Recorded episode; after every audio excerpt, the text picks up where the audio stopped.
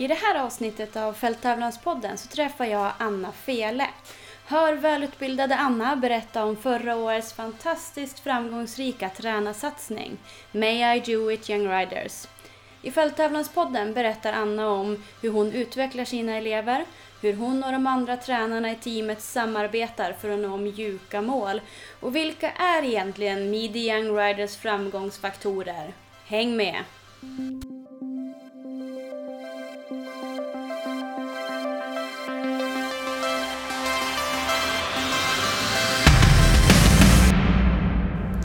Välkommen till Fälttävlanspodden, Anna Fele. Tack så mycket. Berätta, vem är du? Ja, jag är Anna eh, från Halland, eh, Varberg närmare bestämt. Eh, arbetar heltid med, som tränare och eh, coach. Eh, fälttävlansryttare, tävlar mycket fälttävlan och dressyr. Inte kanske så mycket som jag vill tävla, för att jag har elever som alltid går före. Eh, kommer från Anne Perssons eh, ridutbildning på Hermanstorp eh, från början och har fått egentligen hela min eh, både ridkunskap och tränarkunskap ifrån Anne som har varit min mentor i många år. Mm. Berätta mer om din kunskap. Ja, min kunskap, jag har ju gått i skolan i ett par, par år, åtta, nio år närmare bestämt. Också på universitet och läst, eh, förutom att utbilda mig då till tränare så har jag läst psykologi och beteendevetenskap. Så jag har en beteendevetenskaplig examen. Eh, nu får man ju inte jobb eh, på det så att jag fick läsa ledarskap ytterligare två och ett halvt år. Så jag har dubbla masterexamen i psykologi och ledarskap. Mm. Det är imponerande. Mm. Ja, tack. Det var jobbigt, många jobbiga år. Du, hur började ditt fälttävlansintresse? Eh, jag började 1988 eh, rida fälttävlan i samband med ett ridläger hos Anne Persson på sommaren. Eh, då hade, på den tiden så hade Anne ett par hinder bakom sitt ridhus. Det fanns en liten vattengrav, en bank och upp och nerhopp. Och jag började rida där och träna där på min B-ponny och var egentligen dressyrryttare från början för B-ponnyn ville inte hoppa. Eh, men han hoppade terränghinder så att jag, jag gjorde lite starter där 1988 i eh, debutantklass som det hette på B-ponny. Mm. Eh, så där började jag. Och så, sen då? Hur långt har du kommit i din fälttävlanskurva? Eh, ja, den, den, den har varit ganska lång den här kurvan och den har många upp och ner. Eh, jag började väl där 88 och jag tror jag red mitt första mästerskap i fälttävlan 91 eller 92 eh, på ponny. Eh, har ridit eh, nordiska. Eh, aldrig varit uttagen till EM tyvärr för att eh, ponnyn höll inte på den tiden. Eh, idag rider jag ja, enstjärnigt eh, på väg upp i tvåstjärnig klass igen. Har ridit trestjärnigt men det är många år sedan, det är tio år sedan så att jag har börjat om. Eh, jag börjar nästan alltid om i och med att jag utbildar unga hästar från början själv. Så får man ta dem från botten hela vägen upp. Så att jag går upp och ner i klasserna. Mm. Vad tycker du gör fälttävlan så speciellt? Eh, förutom det här eh, självklara då som spänningen och terrängmomentet så, så är det nog framför allt att det ställer så stora krav på ryttarna av mångsidighet, att vi ska kunna både dressyr, hoppning och terräng. Och det går liksom inte att vara bra bara på en del utan man måste ha alla delar. Självklart gemenskapen också i fälttävlan, eh, spänningen. Det, det är väl den ultimata tävlingsgrenen kan jag tänka mig. Eller tycker jag. Jag håller med.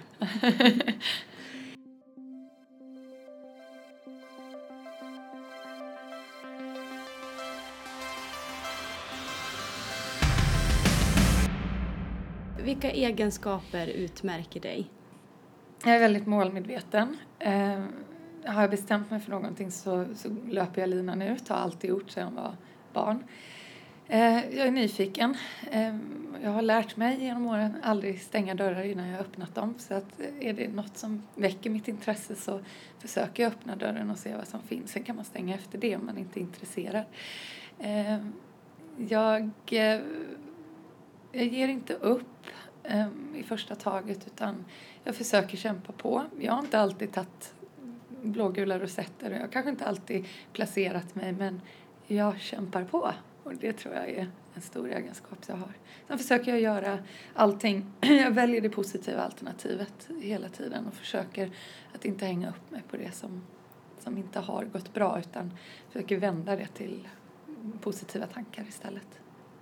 Hur har du jobbat med det för att utveckla det? Det är inte så lätt att vända en negativ tanke. Nej, det är ganska svårt. Eh, det handlar om att kanske våga vara lite självkritisk och faktiskt lära känna sig själv och veta när, man måste bli medveten om när man går in i ett negativ spiral.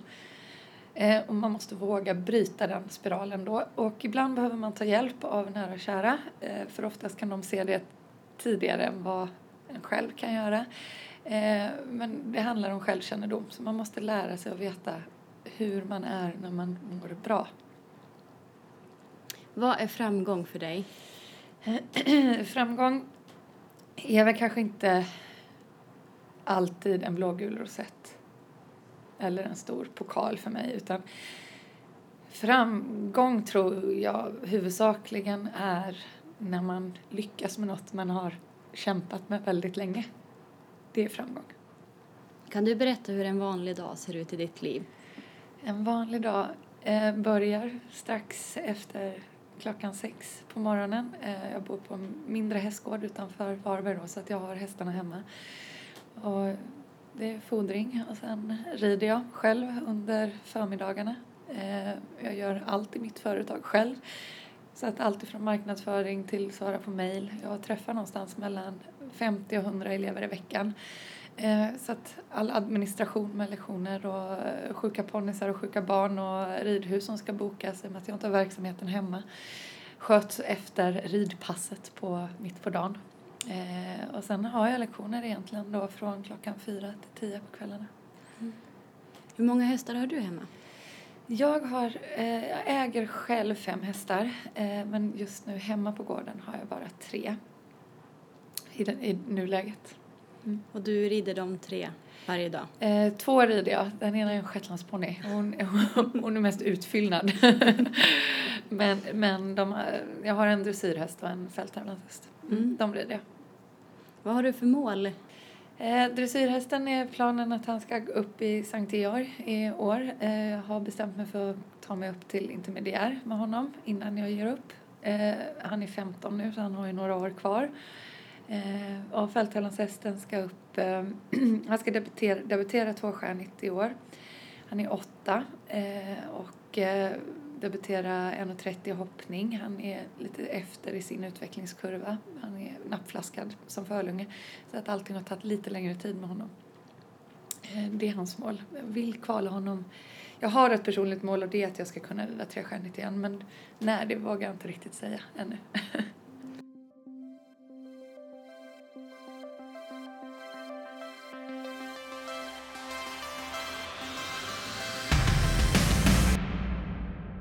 Hur tänker du att du som tränare ska utveckla dina elever? Eh, ja, eh, det viktigaste är den öppna dialogen med dem. Eh, att försöka matcha deras förväntningar på sig själva och sina ponnysar, hästar, med en, en, en verklig liksom, målbild. Att kunna öppet diskutera svagheter och eh, styrkor i deras utbildningskurva. Eh, man måste vara medveten om sina svagheter för att kunna jobba på dem men man måste också kunna liksom vara medveten om sina styrkor för att kunna eh, förbättra svagheterna. För man kan använda styrkorna till att göra svagheterna bättre då. Så att jag försöker att alltid coacha med ett positivt förhållningssätt och att de ska själva ska hitta svaren. Det är inte jag som är någon uppslagsbok utan jag vägleder. Sen har jag ju svar också på mycket men, men inte på allt. Jag tror att många har svaren själva också inom sig. Mm. De behöver bara plockas fram av mig. Hur tycker du att ledarskap ska fungera? Eh, ledarskap ska eh, vara byggande. Det ska vara positivt. Eh, man, I min värld så vill jag bygga självgående individer. mitt jobb är inte att säga höger eller vänster eller upp eller ner eller så utan mitt jobb är att göra de som jag ska leda starka. Så att jag försöker bygga de som, alltså små, små stenar som man lägger hela tiden på höjd med lite cement emellan.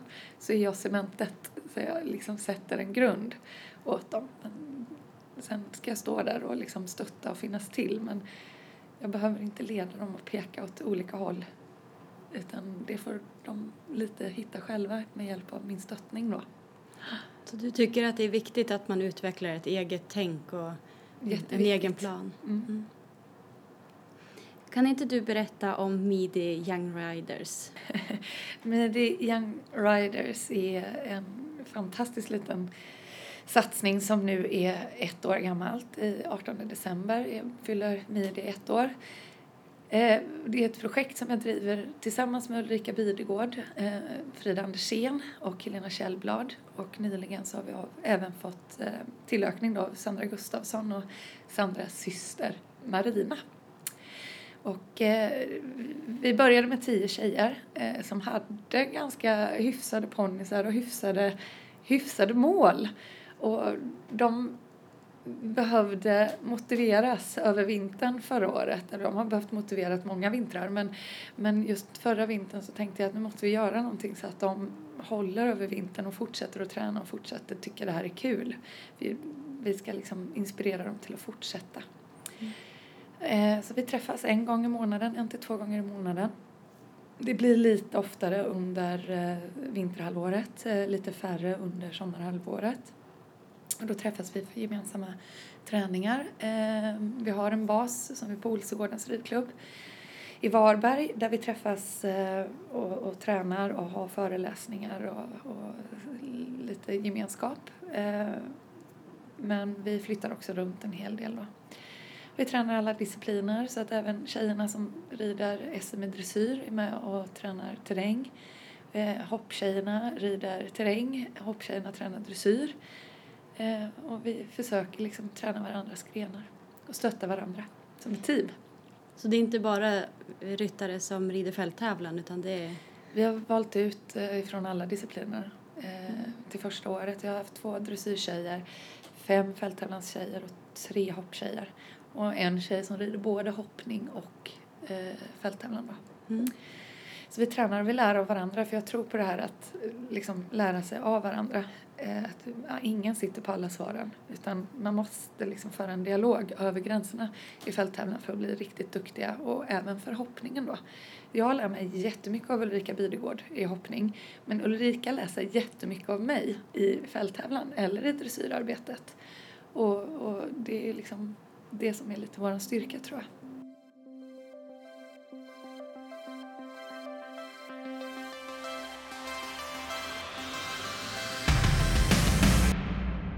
Träffas ni alla elever och alla tränare samtidigt eller har ni delat upp det? Eh, ibland när vi har dressyrträningar har vi fått dela upp oss för det tar längre tid med dressyrträningar och det ska vara kvalitet istället för kvantitet. Så att det, vi tränar en åt gången för de här tränarna då. I hoppningen också ska jag säga, inte i terrängen, där är vi några fler. Eh, men eh, vi träffas, vi har ju såklart tider vi ska komma på till våran individuella träning men vi stannar kvar och vi tittar på varandras träningar. Och nu har ju Frida flyttat till Hofors igen då så att nu har hon lite svårare att vara med. Men jag och Frida tränar ju tillsammans med tjejerna för till exempel Ulrika eller Helena. Så att vi är också med och rider ihop med tjejerna. Mm. Och det har varit väldigt nyttigt. Berätta om samarbetet mellan er tränare. Hur får ni det att fungera? Och... Eh, vi har en väldigt också öppen dialog skulle jag säga. Jag tränar ju själv för Ulrika i hoppning och jag tränar själv för uh, Helena i dressyr. Uh, jag har ju haft förmånen att kunna sätta ihop det här teamet så jag har ju tagit människor som jag, jag tror kan samarbeta med varandra. Och det har inte varit några problem alls utan jag, Ulrika och Frida har ju haft ett väldigt nära samarbete. Eh, Helena bor ju i Skåne så det blir ju lite svårare för Helena att närvara. Eh, men vi försöker vara där samtidigt med henne. Och jag och Helena stämmer av väldigt mycket på telefon. Um, Sandra och Marina bor ju i Halland och jag träffar dem regelbundet och uh, har tränat för dem också. Uh, så jag försöker lära mig av alla. Och de gör ju samma sak med mig och Helena och, och uh, Ulrika och Frida då, så att vi, vi lär av varandra tror jag. Mm. Det är väldigt prestigelösa tränare och mentorer så att vi kan skratta lite åt varandra och har man knäppt nosgrimman fel så, kan, så är det, liksom, det är ingen fara. Vi kan skratta åt varandra och säga åh vad pinsamma vi var nu, vi som kan detta. Pratar ni, har ni ensamma träffar när ni diskuterar eleverna? Och... Nej, vi försöker att diskutera eleverna tillsammans med eleverna och föräldrarna. Eh, sen eh, rent organisatoriska saker så måste vi ju kanske prata eh, sinsemellan hur vi ska lägga upp saker och ting. Men eh, i och med att jag och Frida då framförallt har varit med på varandras träningar, vi har hållit terränglektionerna ihop. Eh, vi har varit med tillsammans med Ulrika när hon har haft hopplektionerna och vi har varit med när eh, Helena har haft lektionerna. Så, så är vi ju på samma blad. Och jag vet ju någonstans i botten att både Ulrika, Frida, Helena och jag har haft samma väg att undervisa på.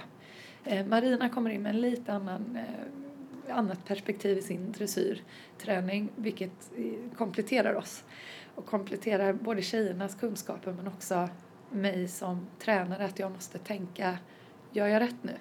Eller tänker jag rätt? Eller hur tänkte hon nu? Och då måste jag tänka 180 grader igen om hur jag lär ut.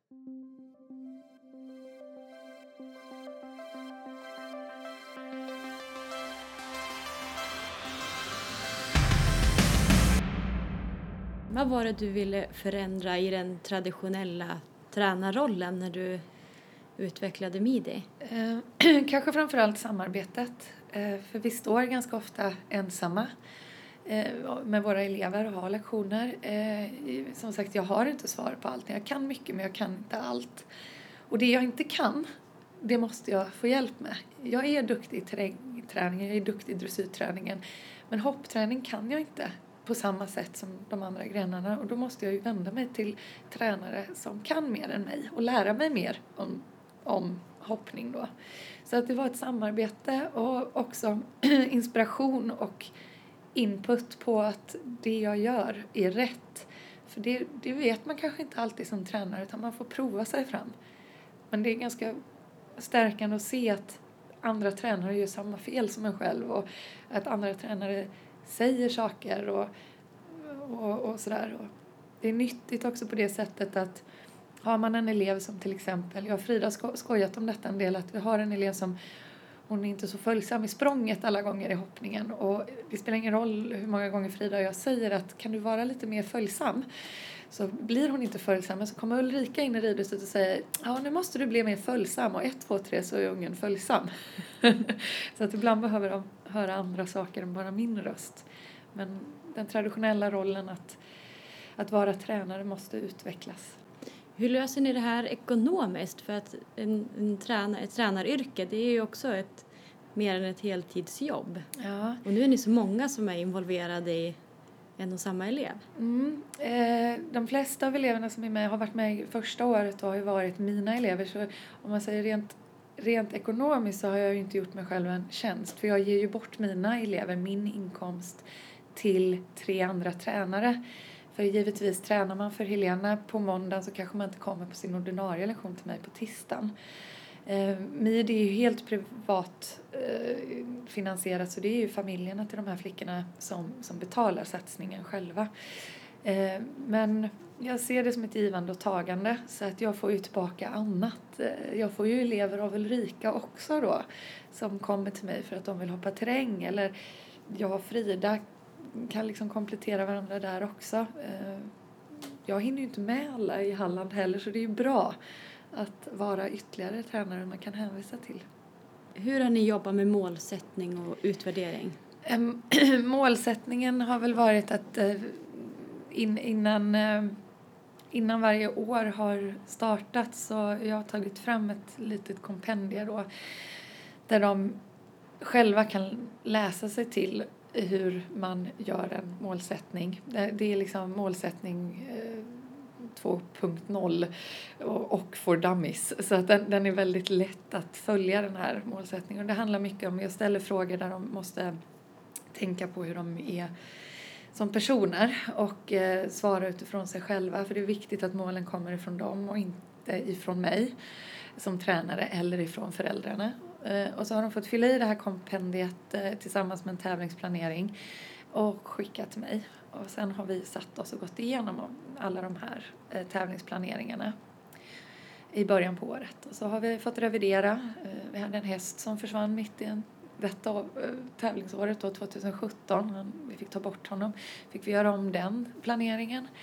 Eh, vi hade någon tjej som fick andra förutsättningar till att faktiskt, vi trodde kanske inte att vi skulle komma upp till en viss nivå så fort som vi gjorde och det gick. Och då fick vi ju ändra där så att vi, vi har en, liksom, hela tiden en, en pågående diskussion. Men också att, alltså, att jag har tvingat barnen att eh, tänka lite mer på alltså, sina personliga känslomål istället för resultatmålen då. Att eh, det kanske inte alltid är SM som är utan det stora målet eller EM utan att man kanske ska vara glad eh, och att det ska kännas bra när man går ut ifrån banan och, och liksom fokusera mer åt de mjuka målen. Lägga fokus där istället för just SM är ju bara en bonus om det händer. Mm. Så. Varför har du valt att fokusera på de mjuka målen? För att eh, jag har märkt att eh, när man sätter målsättningen mot EM eller Nordiska så blir det press och stress. Och det är väldigt lätt att eh, hacka ner på sig själv när man inte når de målen. Eh, kommer man då inte till EM om man har satt upp att man ska rida EM det här året så, så blir hela året ett stort misslyckande fast man egentligen kanske har gjort väldigt mycket bra. Så därför har jag valt att fokus ska ligga på känslomålen och, och glädjen i träningen. För att, och också att man liksom inte ska skynda för fort upp i klasserna för det går aldrig bra när man skyndar.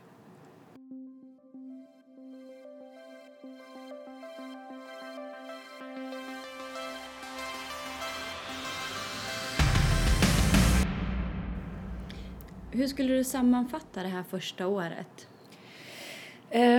Ja, jag tror inte jag riktigt förstod vilken apparat jag drog igång utan jag ville bara göra någonting roligt för mina elever egentligen och eh, jobba ihop med andra inspirerande tränare. Eh, jag skulle sammanfatta det som hårt arbete, väldigt trevliga och kul träningar eh, med väldigt motiverade barn och föräldrar.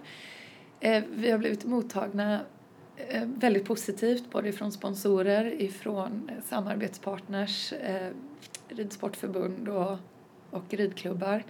Och jag får väl bara sammanfatta det med att jag fick in 53 ansökningar till nästa år då. Och vi ska tillsätta totalt blir det 30 platser. Så att det får jag väl ta som att det finns ett behov av oss. Vad skulle du säga är era framgångsfaktorer? Eh, framgångsfaktorerna är nog just det här att vi är prestigelösa. Att vi kan skratta åt varandra. Eh, vi kan skratta åt dressyrhästen när han hoppar. Eh, eh, man, man måste kunna skratta. Eh, vi, vi, vi skrattar åt hoppryttaren när hoppryttaren knappt vågar hoppa 60 cm på terrängbanan. Och eh, liksom dressyrryttarna skrattar åt åt hoppryttarna när vi, och terräng, eller fälttävlansryttarna när vi rider dressyr då. Så vi är prestigelösa men också att det här att, att, att vi vill lära oss mer om allt inom ridsportens tre grenar då, hoppning, dressyr och fälttävlan. Hur tänker ni utveckla konceptet framåt? Ja, nu öppnar vi upp då tio platser i Göteborg och uppåt, eh, alltså Västra Götaland. Vi har tio platser i Halland och tio platser Blekinge, Småland, Skåne. Eh, vi flyttar ju oss fysiskt alltså jag, Ulrika, och Sandra, och Marina och Helena och Frida, vi flyttar ju oss redan fysiskt för våra elever. Så det är, vi och kommer fortsätta åka ut till ett ridhus i närheten av, av de här tjejerna då, och killarna som har sökt. Eh, och eh, hålla lektioner en till två dagar i veckan. De teoretiska delarna, om vi ska ha lite mer eh, åt det hållet, får vi nog lägga tillsammans då på någon gemensam ort. så så kommer vi fortsätta. Vi kommer fortsätta att bygga starka, välutbildade ekipage med målsättning att de ska in i landslaget inom ett till två år och att de ska kanske kunna ta sig in då på Flyinge eller Strömsholm. På unghästutbildningarna framförallt. Va? Hur tänker ni kring logistiken här? Vilken samordning? Eh, logistiken här är ju att det är mycket lättare att flytta tränarna än att flytta tio ekipage från hela, hela Mellansverige. Så att eh, de får ju åka en bit men de behöver inte åka hela vägen för att få en bra tränare. Eh, det finns ju, det är ju inte alla förunnat att kunna åka en halvtimme till en bra tränare utan logistiken är ju att en bra tränare får faktiskt åka ut då. Det är ju en gång i månaden som vi åker till de här olika distrikten blir det ju. Så att vi tränare kommer jobba en dag i veckan med midi i de här tre olika eller områdena då. Eh, men tjejerna tränar ju bara en eller två dagar i veckan, eller månaden.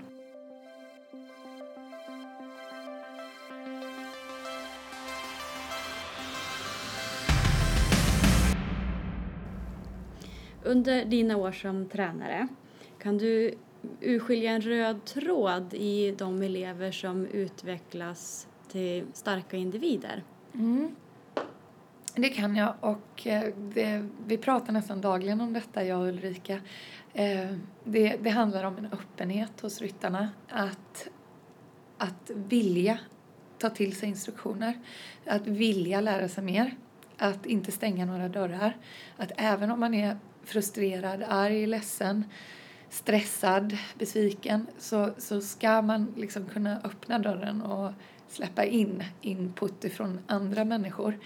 För att vi, som sagt, vi har inte alla svaren själva och kan vi inte ha den här öppenheten så kommer vi aldrig utveckla oss. Och jag ser att de här, om jag bara tittar på MIDI-eleverna eller om jag tittar på mina elever som jag har jobbat med i många år, att de som når sina, sina toppresultat och sina mål, det är de som aldrig ger upp och de som faktiskt är villiga till att göra stora eller små förändringar.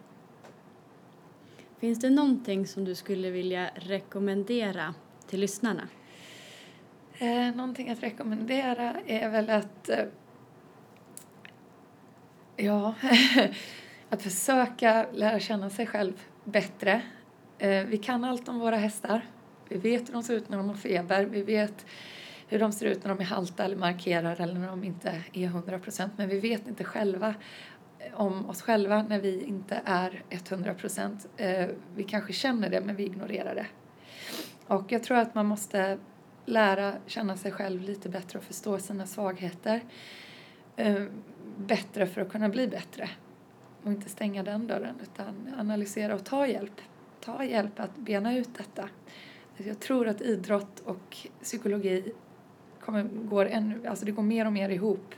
Eh, och eh, jag väljer istället att kalla det för prestationspsykologi idag eh, för att säga idrottspsykologi eller att, att säga tränare eller coach. Eh, för det handlar om i tränaryrket att kunna hjälpa elever att bena ut dem själva i samband med hästen i vårt yrke då som tränare.